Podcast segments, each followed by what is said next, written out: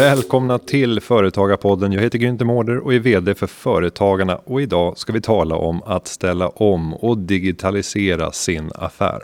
Ja, hur kan du som företagare ta dig an digitaliseringens utmaningar men också möjligheter mitt i pandemin? Ska vi försöka bringa lite klarhet i den här frågan, då behöver vi en expert och det har vi i veckans avsnitt av Företagarpodden. Välkommen! Veckans gäst är entreprenör, digital strateg och författare. Hon har arbetat med internet och digitala frågor sedan 2005 och har lång erfarenhet av att arbeta med digitalt förändringsarbete i näringslivet. Hon har bland annat grundat och varit VD för den tongivande digitala kommunikationsbyrån Forsure arbetat och ansvarat för digital utbildning på Berry School of Communication och hösten 2018 gav hon ut boken Digital panik och skriver just nu på sin andra bok. Hon driver även byrån Volst och Winter och några av er kan säkert redan gissa. Vi säger varmt välkommen till Judith Volst. Tack! Härligt att vara här. Härligt att du är här och vi kan avslöja för tittare att vi redan har gjort en klippning För Judith var så het på gröten och kastades in redan när jag eh, försökte bygga upp spänningen. Att, att du skulle vara här. Varmt välkommen! Tack, jag är en morgonmänniska så jag har ur mycket energi på morgonen. Så att jag kunde liksom inte hålla mig där. Plus att jag fått en jättestor kaffe av dig. Så är det. Och, ja. och hur nyttjar man en sån här eh, morgonmänniska eh, setup på bästa möjliga sätt? Jag brukar undvika möten egentligen på morgonen. Nu är ju det här inte riktigt ett traditionellt möte, utan nu är det ju bra att jag har mycket energi på mm, mm. Annars så brukar jag försöka lägga möten på eftermiddagarna, för då är jag lite tröttare och då ja, är det väl optimalt. Så att producera på förmiddagen, prata på eftermiddagen är väl någon form av och det där gäller väl, tänker jag, att alla måste hitta. Var har man sina energi? Ja, fält ska vi inte säga, men, men eh, olika energinivåer under dagen och försöka maximera det där. Eller hur? Men eh, det är inte därför du är här, för att prata energifält och eh, sån här, eh, vad heter det, där man mäter energifält? Triang uh, uh, utanför min, uh. min expertis, men jag har ju såna här stenar i fickorna här för att liksom, nej jag skojar. Det är väldigt bra.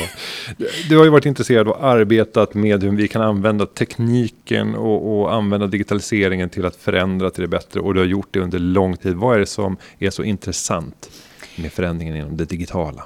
Oh, vad är det som är? Nej, men jag kan börja lite från början. Jag kommer ifrån eh, Småland från början, i en liten, eh, litet samhälle som heter Aneby. Eh, företagartätt, uppvuxen i en entreprenörsfamilj. Och jag kommer så väl ihåg när internet flyttade in hos oss. Jag är eh, 39 idag, eh, fyller 40.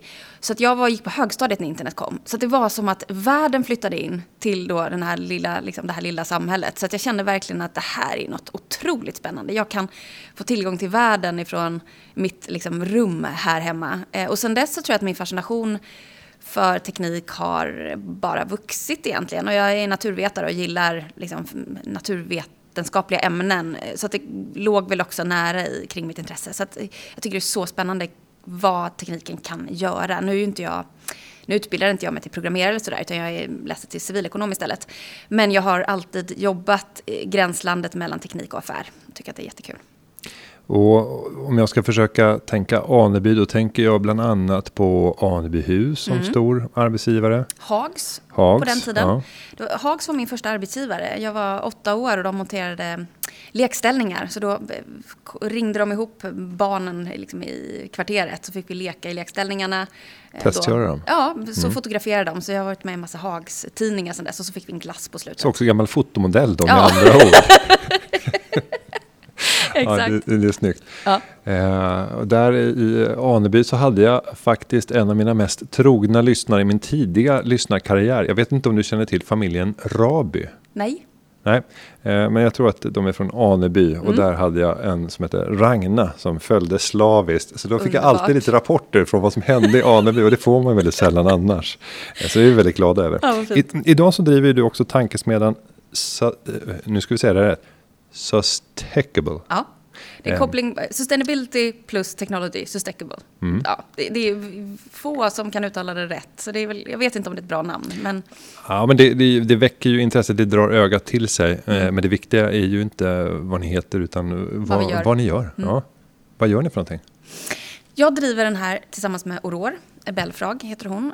Som också varit med i podden. Hon har varit med och hon är, har bakgrund som investerare och även som entreprenör. Eh, och vi två känner att det finns så många teknologier på plats idag och vi har en ny verktygslåda av teknologier. Och den, de teknologierna kan hjälpa oss att skapa ett bättre samhälle. Hjälpa oss till exempel in, inom vården för att vi ska få ihop ekvationen med en åldrande befolkning och ökade vårdköer och sådär. Men framförallt inom hållbarhet. Så vi visar ganska, genom konkreta exempel på hur vi kan använda teknik som till exempel AI för att ställa om. Eh, och vi gav ut en rapport för ja, några veckor sedan. Vi gav precis ut den på engelska också.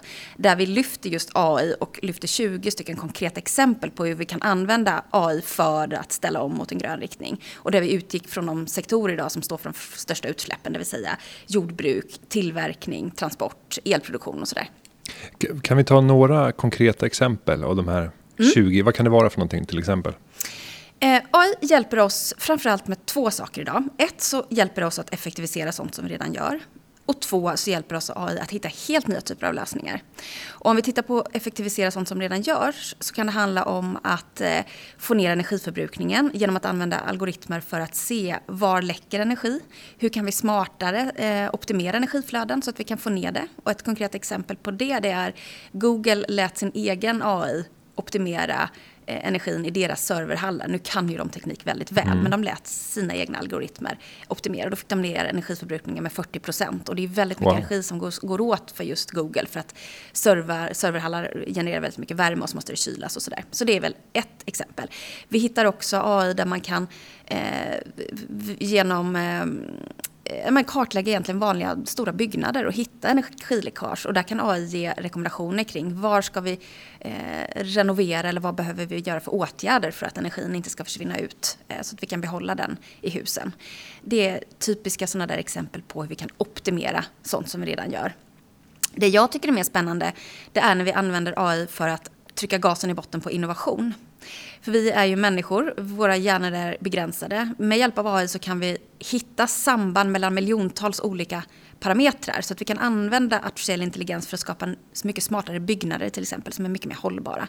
Som kräver mindre eh, resurser när vi bygger dem. Och det kallas för generativ design. Och där handlar det inte om att tekniken ska ersätta människorna utan tekniken hjälper oss att faktiskt ta fram nya förslag. Och det kan man läsa om i rapporten också, titta på bilder. För det jag tycker är spännande är att de här lösningarna som AI gör, de här husen ser nästan futuristiska ut. Det känns som att de är hämtade från framtiden och de är också väldigt inspirerade av naturen. Det är också häftigt att tekniken har liksom kommit fram till lösningar som redan finns i naturen. Vilket betyder att ja, naturen är smart. Den är väldigt smart va? många gånger. Så tydligt bevis på det. Eh, ett annat exempel kan handla om, ja, men lite utanför hållbarhet, men AI har upptäckt eh, Eh, resistent, hur vi kan eh, jobba mot resistenta bakterier när det kommer till antibiotika.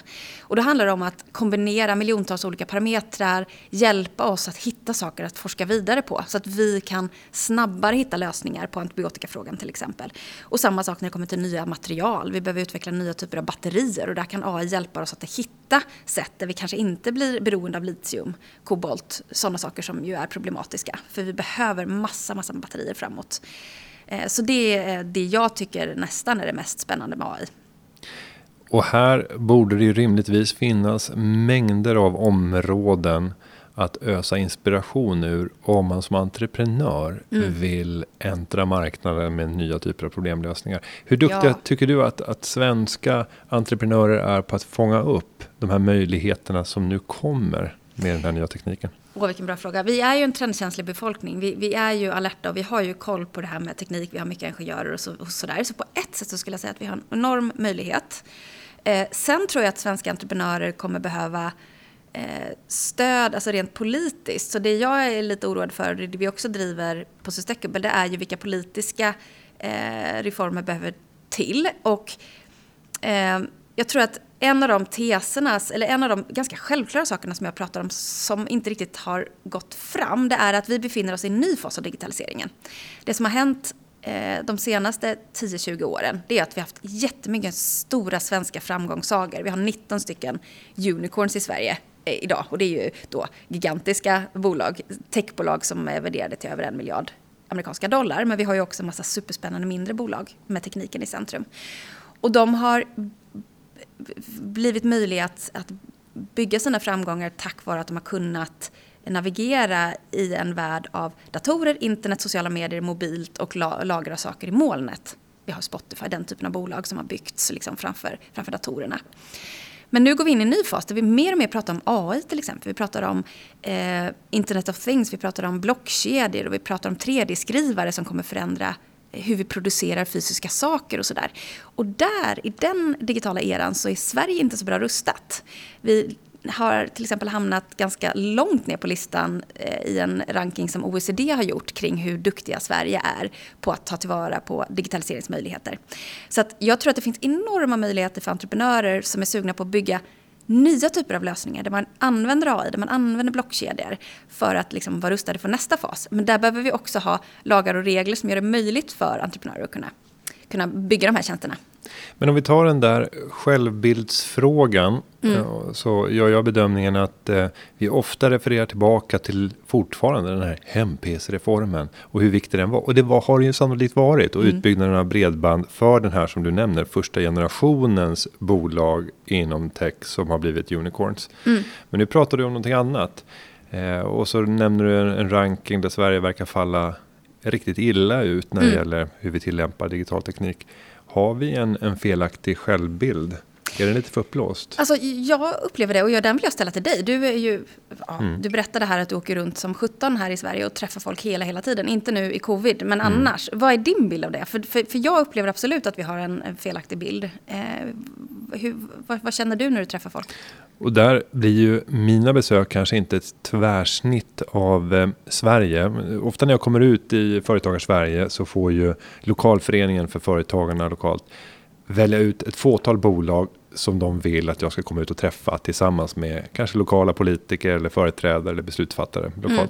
Och då blir det oftast eh, de mest annorlunda, unika, de mest framstående. Så jag får ju lätt en bild som är oerhört förskönad av svenskt eh, företagande. Mm. Det är väldigt sällan som man säger så här, ja nu ska vi faktiskt gå bakom centrum här och träffa Berra som konkade sitt andra bolag och du vet han upprättade aldrig kontrollbalansräkning så han eh, blev solidariskt betalningsansvarig för alla bolagets förpliktelser. Ja. Han är under skuldsanering nu.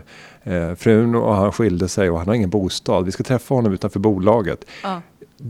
Den där delen finns ju också mm. eh, och alla de berättelserna om företagandet men, men den är inte så närvarande i eh, det jag får se och besöka. Mm. Däremot så kan jag slås av att jag ofta tänker att den största potentialen i utvecklingen av de företagen som jag besöker vilar just i att anamma ny teknik för att ta det till nästa nivå. Mm. Och det är oftast där som det kliar mest i mina fingrar. För jag är alltid så här att jag vill se utveckling, jag vill höra om de här planerna och det är nästan så att jag vill engagera mig. Var jag än kommer så vill jag engagera mig.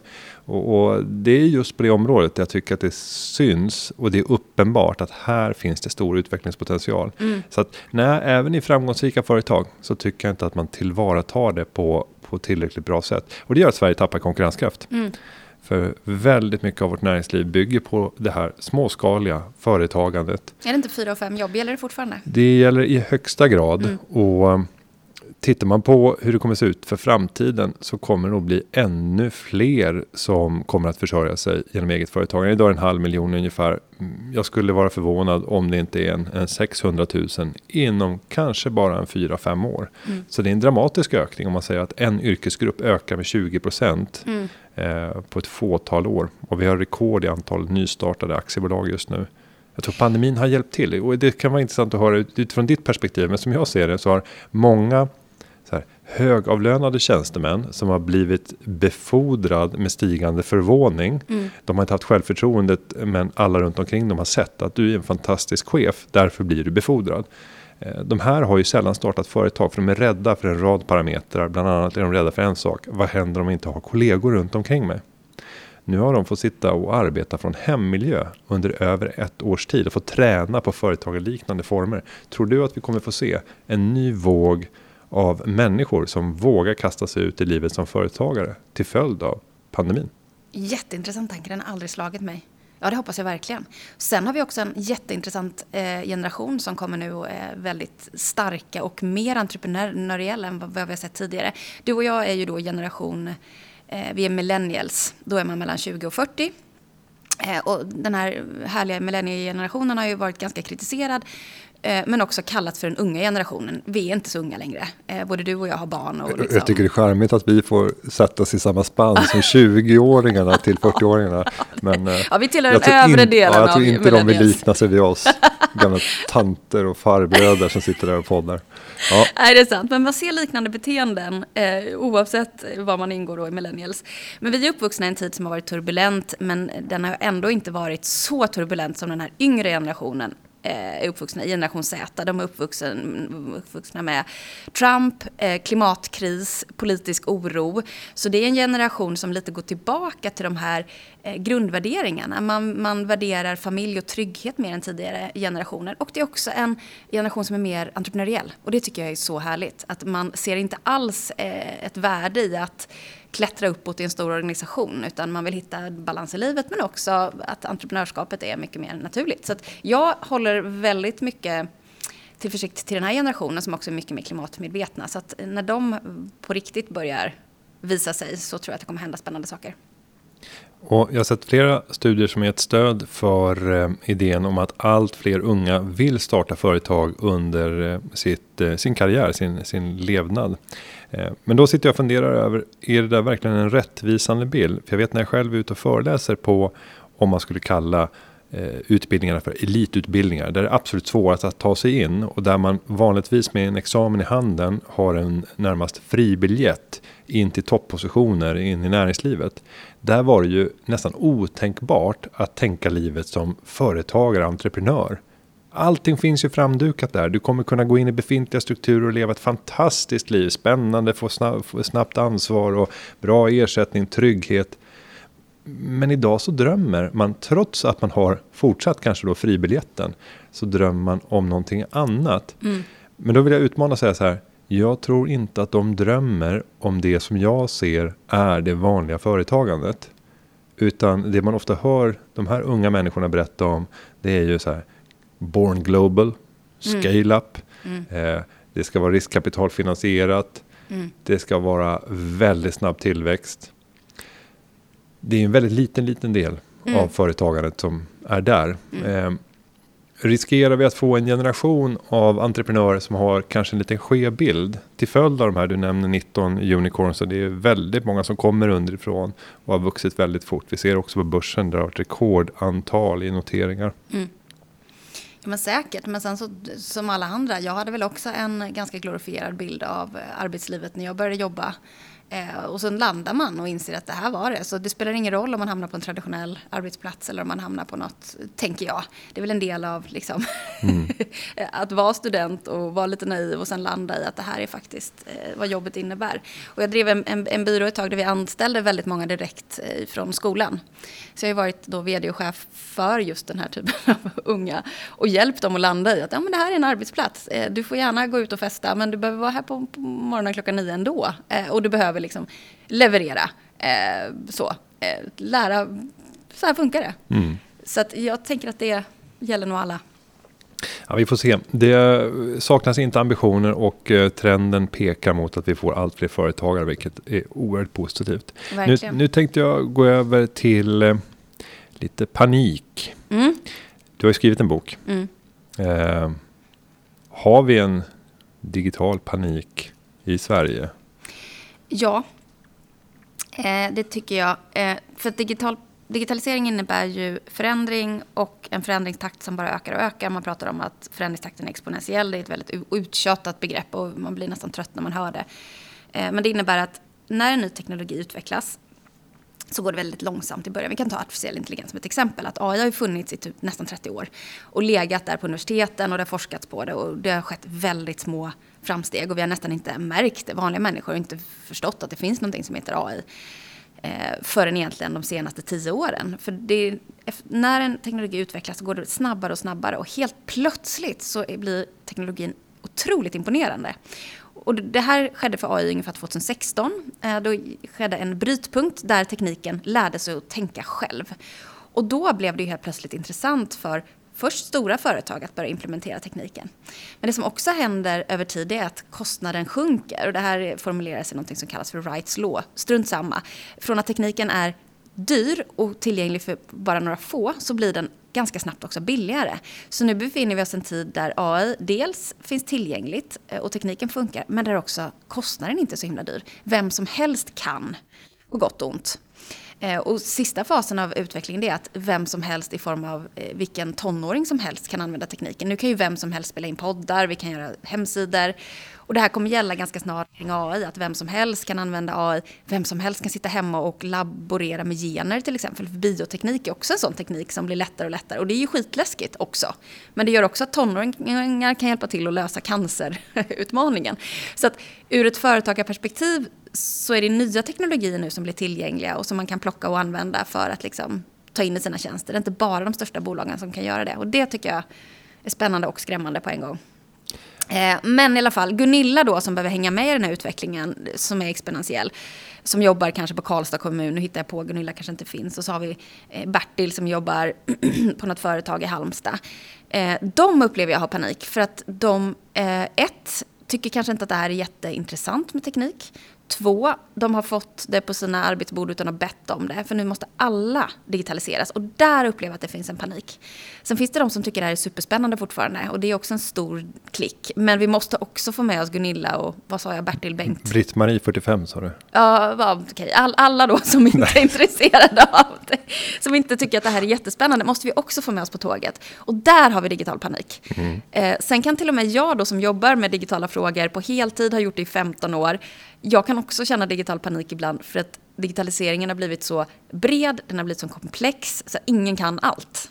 Men jag misstänker att eh, frågan här handlar ju om att eh, skapa det motsatta i boken. Det är att ja. eh, försöka lindra den här digitala paniken. Eh, den där digitala paniken kan jag också känna, även om jag känner att jag är med i, game, i gamet här, säger farbrorn på andra sidan bordet här. Men jag tänker också när jag blir morfar eller, eller farfar och samtidigt tittar på mina barn så ser jag ju att jäklar, det är en helt annan eh, helt annat sätt att förhålla sig till, till varandra. Mm. Vad är det mest lugnande som du kan säga till alla oss som på något sätt känner en digital panik? Kanske här och nu, kanske när vi tittar in i framtiden. Mm. Eh, nej, men det första är att alla behöver inte kunna allt. Eh, och alla typer av perspektiv behövs i digitalisering. Och det handlar väldigt mycket om de icke-digitala frågorna också. Vi behöver få in de mänskliga perspektiven. Så att eh, alla behöver inte sitta och ha all koll på tekniken. Men det viktiga är kanske att förstå lite vad tekniken kan göra för någonting.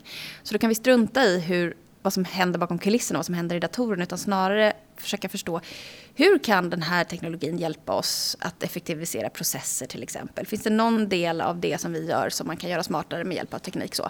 Men, men alla behöver ju inte vara experter, men jag tror att det är positivt att ha en viss nyfikenhet till det. Men det som lugnar mig det är att jag har väldigt, jag har haft det sedan jag var väldigt ung, en klimatångest och jag kan inte föreställa mig hur unga människor känner idag som faktiskt är uppvuxna i en tid där klimatet på riktigt börjar säga ifrån. Jag hade en högstadielärare som pratade mycket om klimatfrågan och jag var själv någonting som vi kallade för miljöambassadör på högstadiet och jag läste forskarrapporter om klimatet redan då. Eh, där vi läste om hur isarna kanske smälter, och Golfströmmen vänder och sådär. Så att jag har varit väldigt eh, oroad kring klimatfrågan. Det jag som gör att min klimatpanik minskar idag, det är just tekniken. För tekniken kan också hjälpa oss att lösa de här jättestora frågorna som vi står inför. Eh, inom hälsa, inom klimat och sådär. Så att, ja, man kanske har digital panik, men då kanske vi kan förstå att tekniken också hjälper oss att, att minska paniken vi har inom andra områden. I alla fall är det så eh, som jag ser det. Så jag är mer positiv någon, än någonsin kring just hållbarhet för att tekniken kan hjälpa oss på riktigt från och med nu och framåt. Om vi också drar nytta av de möjligheterna som den ger. Men jag, jag vet inte riktigt eh, om jag gav något smart svar på det där. Men jag tror vi fortsatt, vi får bara acceptera att det kommer förändras hela, hela tiden. Det kommer inte sluta. Och jag tänker att nu ligger ju du och jag precis i det här gränslandet eh, där vi faktiskt fick vara med i teknikens begynnelse. Om vi tar så här, datorns begynnelse när den blev allmän ägo. Mm. Eh, där fick ju vi börja i DOS och vi fick se att man, så här, man gick in i ett operativsystem från DOS och man kanske jobbade i QBasic och det var så här väldigt basalt. Man fick gå in och konfigurera om datorn för att överhuvudtaget kunna använda den för olika typer av egenskaper. Mm. Eh, och det där kan jag känna frustration över när jag tittar på mina barn. Att de har ingen aning om hur någonting fungerar. Utan mm. de bara accepterar att det är på det här sättet och kör på. De verkar inte ens ställa sig frågan. Mm. Utan de är bara förbannade när någonting inte funkar. Istället för att fundera över vad är det bakomliggande? Vad är det som behövs för att du överhuvudtaget ska kunna använda den här läsplattan? Mm. Eh, och vi kanske är knäppa, vi som var med för tidigt och börjar ställa oss frågan. För det gör vi inte andra lägen. Det är inte så att när vi sitter i flygplanet att vi funderar över alla komponenter i det här flygplanet och hur hänger allting samman. Och, det kanske vi gör. Nej men jag tänker tvärtom också. Alltså, det var inte så himla lekfullt då. Vi hade Nej. någon jättetidig mack. Eh, min pappa jobbade med, han drev ett reklam och multimedia. Ja, det hette nog multimedia-företag då. också, det var inte bara... så vi hade ju massa liksom, avancerade mackapärer hemma väldigt tidigt. Men alltså de var inte så användarvänliga. Så visst, jag satt med dem där, men också tröttnade ganska snabbt för att det fanns ju ingen lekfullhet i det. Att vara barn nu är ju väldigt spännande å andra sidan, därför att du kan lära dig programmera. En av mina favoritföretag heter Imagilabs. De har kontor på Kungsholmen och de skapar små doser eh, med små lysande dioder där barn kan lära sig att programmera i Python på ett ganska enkelt sätt, men där man kan få de här doserna att lysa och där man faktiskt lär sig kod på ett otroligt häftigt sätt. Så kan man hänga den här dosan sen på, eh, på ryggsäcken och den typen av liksom, roliga instegsgrejer fanns ju inte heller. Utan det var det hardcore, här är datorn, lär dig hur den funkar. Det finns hur mycket som helst på YouTube. Jag jobbar också mycket, vi har mycket så little bits hemma hos mig. Det är där man kan sätta ihop olika komponenter, få eh, Eh, det är, vad kallades det för? Var det i fysiken? Va? Man satt och lödde ihop olika saker för att liksom tända en lampa här. Och man, så. Det, det, finns ju på väldigt lekfulla sätt idag med manualer och där barn lär sig att jag kan bygga en sensor som, eh, som eh, börjar låta eh, ifall den här lampan tänds. Eh, så att, och det kan ju väcka intresse för teknik tidigt också. Så att jag skulle säga både och kanske. Mm. Ja, det är... Vi... Sånt som vi gör på kvällarna här hemma hos mig. Jag försöker få min dotter att bli intresserad av teknik. Hon är tio år. Det går sådär, men är lite smått framåt ändå. Men det låter ändå väldigt ambitiöst eh, att du har en, en plan. Jag har ju själv en, en tioåring och jag önskar att jag hade en mer här, utstuderad plan för hur jag skulle kunna föda de här intressena. För jag tror att eh, man kommer ha stora fördelar av att ha det teknikintresset. Jag tror också det. Och min dotter går på en jätte, jättebra skola. Alla lärare är fantastiska. Det finns bara ett, en grej jag blir frustrerad över. Det är att deras tekniklektioner eh, inte är värda namnet överhuvudtaget. Så jag faktiskt, ja, jag har nog varit överambitiös. Jag har ordnat så här programmeringsläger för tjejer och sånt på, på lov och lite sådana grejer. Mm. Men jag mm. tror att det är viktigt just att få tjejer att bli intresserade. Ja, väldigt viktigt och det räcker med att bara titta på ingenjörstunga utbildningar ja. så är det fortfarande en väldig, väldig obalans. Och det måste vara mycket mer mångfald också, eh, vidga det där. Eh, om vi tittar på teknikens eh, baksidor. Jag vet inte om du, om du håller med mig om den stigande stress som har kommit tillsammans med den här öppenheten som kommer med sociala medier och där vi ska bjuda på det vackraste och det mest intelligenta i vårt liv. Men ganska lite av det vardagliga och hur det mm. verkligen är. Hur ser du på den här typen av eh, utveckling i samhället? Är det här en risk eller är det bara att vi eh, förstorar upp det och, och, och tänker att eh, det är värre än det är? Um, nej men allt är ju en paradox tyvärr. Eh, digitaliseringen kommer med enorma möjligheter men också jättestora risker och det gäller ju också vi som människor. Och vi har ju uppenbarligen inte kunnat hantera tekniken riktigt i våra vardagsliv. Nu fanns det en undersökning eh, som jag tycker, jag vet inte om den är rolig, men eh, man tittade på vad är vi beredda att offra i våra liv för att få behålla våra mobiler. De flesta mm. var ju absolut eh, beredda att stryka träning, kaffe, man var beredd att sova mindre på natten för att få behålla mobilen. 21 procent lever hellre utan skor än sina mobil och 28 procent kör hellre en vecka utan sin partner än sina mm. mobiltelefoner. Så det är vår bästa vän.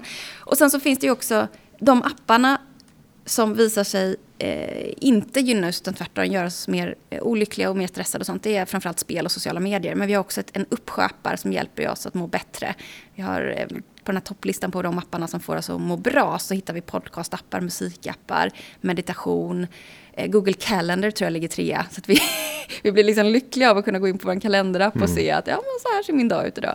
Så att det är både och, så att det är väldigt upp till oss att liksom lära oss det här. Och sen är det väl också affärsmodellerna bakom att eh, man tjänar pengar på notifieringar och sådana här saker som faktiskt stör oss i våran, vårt fokus och vi multitaskar mer och sådana saker. Så att, ja, det är väl också en grej att vi måste lära oss. Liksom. Det är så nytt allting. Vi har bara haft det här i tio år. Och börjar man titta på vad den digitala tekniken möjliggör och vi var inne på det tidigare när jag nämnde de här högre tjänstemännen som har fått testa på att vara egenföretagare nästan, i alla fall i sin arbetsform när man mm. sitter mm. hemma och arbetar vid köksbordet eller på ett skrivbord i, temporärt i sovrummet. Mm. Eh, om vi tittar på en annan grupp som växer rätt stadigt och även gjorde det innan pandemin så var det ju giggarna. Mm. Hela gigekonomin och alla de här frilansarna som säljer sig själva. Ibland inte ens har ett eget företag utan går genom ett egenanställningsföretag. Mm. Vad tänker du om den här formen som eh, försörjning, mm. som, som normalt arbete? Kommer det att fortsätta att eh, växa? Mm. Plattformifieringen kallar jag den. Jag gav ut en, en trendspaning för ganska exakt ett år sedan. Och jag tror att plattformifieringen kommer fortsätta. Ehm, och första fasen så handlade det om att man eh, digitaliserade men, innehåll och sociala medier och sådär. Och nästa steg nu är vad man kallar inom O2O. Eh, där man går eh, online, offline to, to, online. Det vill säga att man gör en beställning på man gör en beställning på mobilen och sen så sker själva tjänsten i den fysiska världen. Vi kan få vår mat hemcyklad ifall vi bor i en storstad. Vi kan hyra en lägenhet och så vidare. Och gigekonomin är också en del av liksom nästa steget där, där det utvecklas plattformar där man kan köpa och sälja eh, det man behöver. Och det är ju fantastiskt för mig som är eh, småföretagare att jag kan köpa in grafiska tjänster till exempel. Eller om jag behöver översätta ett dokument från svenska till engelska och inte hinner göra det själv så finns det ju alltid tjänster för det. Eh, och det är superenkelt. Så det gör ju livet för företagare lättare. Samtidigt så innebär det ju att vi helt plötsligt konkurrerar med andra globalt i form av löner och sådär. Och plattformarna i sig blir någon form av global budmarknad där vi hela tiden budar under varandra i pris för att få giggen. Så att det här kommer ju, och det är så tidigt också så det finns inte jättemycket reglering kring, kring det. Det finns inte så mycket trygghet och, och den typen av saker inbakat i det här. Så att mycket kommer nog hända där. Men jag tror att vi kommer kanske se att när det här blir mer vanligt och vanligt så kommer det också eh, ta en del grejer från oss. Eh, så jag tror verkligen att det är på gott och ont. Och, och jag tänker på vad som kan hända med den svenska modellen, om vi lite slarvigt ska uttrycka oss på det sättet. Och jag mm. pratar kanske specifikt om den svenska arbetsmarknadsmodellen. Mm. För du var inne på en sak. Det är ett omvänt auktionsförfarande där den som erbjuder det lägsta priset har högst sannolikhet att få kontraktet. Ja. Eh, och det här borde ju rimligtvis vara fackförbundens största mardröm. Mm. Att människor ska gå från sina trygga anställningar till att gå över till giganställningar där de får en högre möjlighet att påverka hur mycket man mm. ska jobba och därmed kunna reglera inkomsten. Men där det också riskerar att leda till en, en kraftig lönepress mm. på arbeten där det finns ett stort utbud. Mm. Hur ser du på den här typen av frågor och potentiella utmaningar? Men jag tror att det finns jättemycket utmaningar kring det. Eh, vad händer med generations... Eller vad händer när man vill köpa sin första bostad till exempel och inte kan bevisa på en trygg anställning. Så det finns mycket andra saker som inte hänger med i utvecklingen. Eh, så jag tror att definitivt att det behövs viss reglering. Jag är inte alls expert på de här frågorna, vad som behöver göras och inte. Men just nu är det ju High Chaparral. Eh, och där det, tror jag, kommer bli, finnas en risk för ökad konkurrens och att lönerna, eller ersättningarna som du säger, eh, sänks. Å andra sidan, ja, jag tror också att vi kommer få se fler yrken som plattformifieras, till exempel hantverkare. När kommer plattformen som gör det enkelt för mig att bara hitta den bästa hantverkaren? Jag lägger ut en, ett gig och sen så paxar någon det här, kommer hem till mig. Eh, allt sker liksom friktionslöst. Så att jag tror fler yrken kommer också eh, gigifieras.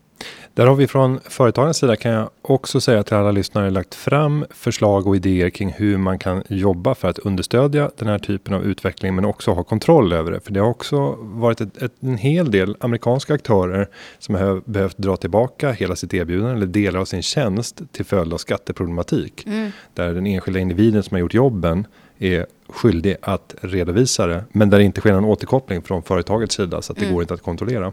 Vad, vad, vad tror du behöver göras? Nej, men då har vi lagt fram ett förslag där vi säger att låt oss via verksamt.se öppna upp så att alla som har ett personnummer också har rätten att kunna skicka en faktura till en annan person som har ett personnummer i Sverige. Ah. Och, och, då skapar vi egentligen en form av enkelt bolag men där ditt personnummer också är ett organisationsnummer och egentligen då en, en F-skatt, F-skattsedel. Mm. Eh, det här skulle innebära att eh, det blir lättare att göra saker vitt än att göra det svart. Mm. Målet med plattformen då ska vara att härifrån ska alla skatter och avgifter dras när betalningen sen sker. Mm. Då tittar man på din skattetabell och ser vad ska du betala för skatt och så dras det och sen tittar man finns det eventuella stimulanser, subventioner, finns det eh, något rot, rut avdrag för det här mm. och då regleras det innan pengarna ens kommer ut på ditt skattekonto som sen är länkat till ditt transaktionskonto. Så pengarna du får ut i handen, de är skattade och klara och det finns, om det har funnits olika typer av subventioner eller annat, är redan inkluderat. Och på det sättet så skulle vi skapa den tjänsten som egenanställningsföretag erbjuder idag. Men som man tar 6-7% i avgift för att administrera. Mm. Och kanske skulle man sätta en begränsning där vi säger att man får jobba med den här typen av uppdrag upp till 200 000 kronor inkomst per år. Ehm, med en sån här modell så skulle vi i grunden skapa möjligheterna för att det är lättare att arbeta vitt än att arbeta svart. Så en stor del av den informella sektorn skulle sannolikt göras om. Och sen skulle man kunna ställa krav på plattformsbolagen att varmt välkomna till Sverige och testa er teknik. Och det enda ni behöver göra är att koppla på er på den här plattformen och det löser alla problem som du kan tänkas ha i relation till myndigheter i Sverige. Så vi kanske skulle bli det mest attraktiva landet att testa nya typer av plattformar på. Så vi har lanserat det här för, till flera politiska partier för att mm. få dem att vilja se mm. vad det här skulle kunna innebära och inleda ett sannolikt långsiktigt arbete för att kunna nå i mål i en sån här fråga. Underbart. Sen ska vi också komma ihåg att eh, plattformarna är ju så otroligt eh, kraftfulla och mäktiga idag för att vi har den här logiken på internet som vi har.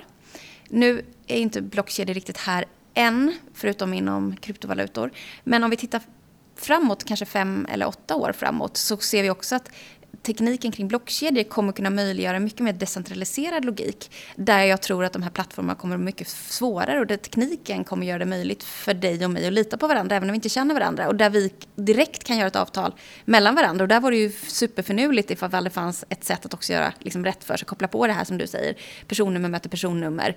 Eh, och där pengarna inte går till den här centraliserade parten. Så det finns nog också en utveckling i tekniken som gör att jag tror att vi återigen kanske kommer gynnas eh, i det lokala. Men det är lite tidigt att säga det, men det är många som pratar om den decentraliserade webben och D-webb och baserat på blockkedjor. Så dit är vi nog på väg om åtta år, fem år. Spännande. Och eh, du sitter just nu och vad jag förstår skriver på nästa bok. Mm. Vad kommer den handla om? Den handlar om just framtidens verktygslåda eller nutidens. Vilka teknologier är det som vi behöver bemästra nu och framåt? Och jag skulle ha skrivit den under pandemin, men jag är en extrovert person, så när covid kom så var det helt omöjligt för mig att sitta hemma och jobba med, liksom, på, på en egen kammare och skriva bok. Så att jag har pausat boken faktiskt. Så att jag försöker att hitta aktiviteter som är eh, energigivande och det är mer actionfyllda eh, aktiviteter som inte är så pass eh, långsamma som en bok är. En bok är ju väldigt långsamt att jobba med. Så att nu har jag börjat skriva igen. Jag gjorde ett litet covid-uppehåll där. Jag tänker på de här actionfyllda coronasäkra aktiviteterna. Det, det, det är inte för inte som man blir nyfiken, men vi ska inte gräva djupare i det. Men jag, jag, jag läste någon intervju med dig. Du sa att, jag tror det var nyanlända, att det första ordet de lär sig när de kommer vänta. till Sverige är vänta. vänta. Det är mm. mitt värsta ord. Mm. Ehm, och om man ska skriva en bok så måste man vara bra på att vänta. Vänta. Det går långsamt. Mm. vilken, vilken dyster avslutning. Vänta. Eh, stort tack Judith Wolst för att du kom själv. till Företagarpodden. Och jag älskar det ni gör, kämpa på, det är viktigt. Nu kör vi. Nu kör vi. Och jag ska säga att podden den har förberetts i, eh, genom ett underlag av David Hagen och klippningen den är som, som vanligt gjord av Petra Chu. Vi hörs igen nästa vecka. Ha det så gott. Hej då!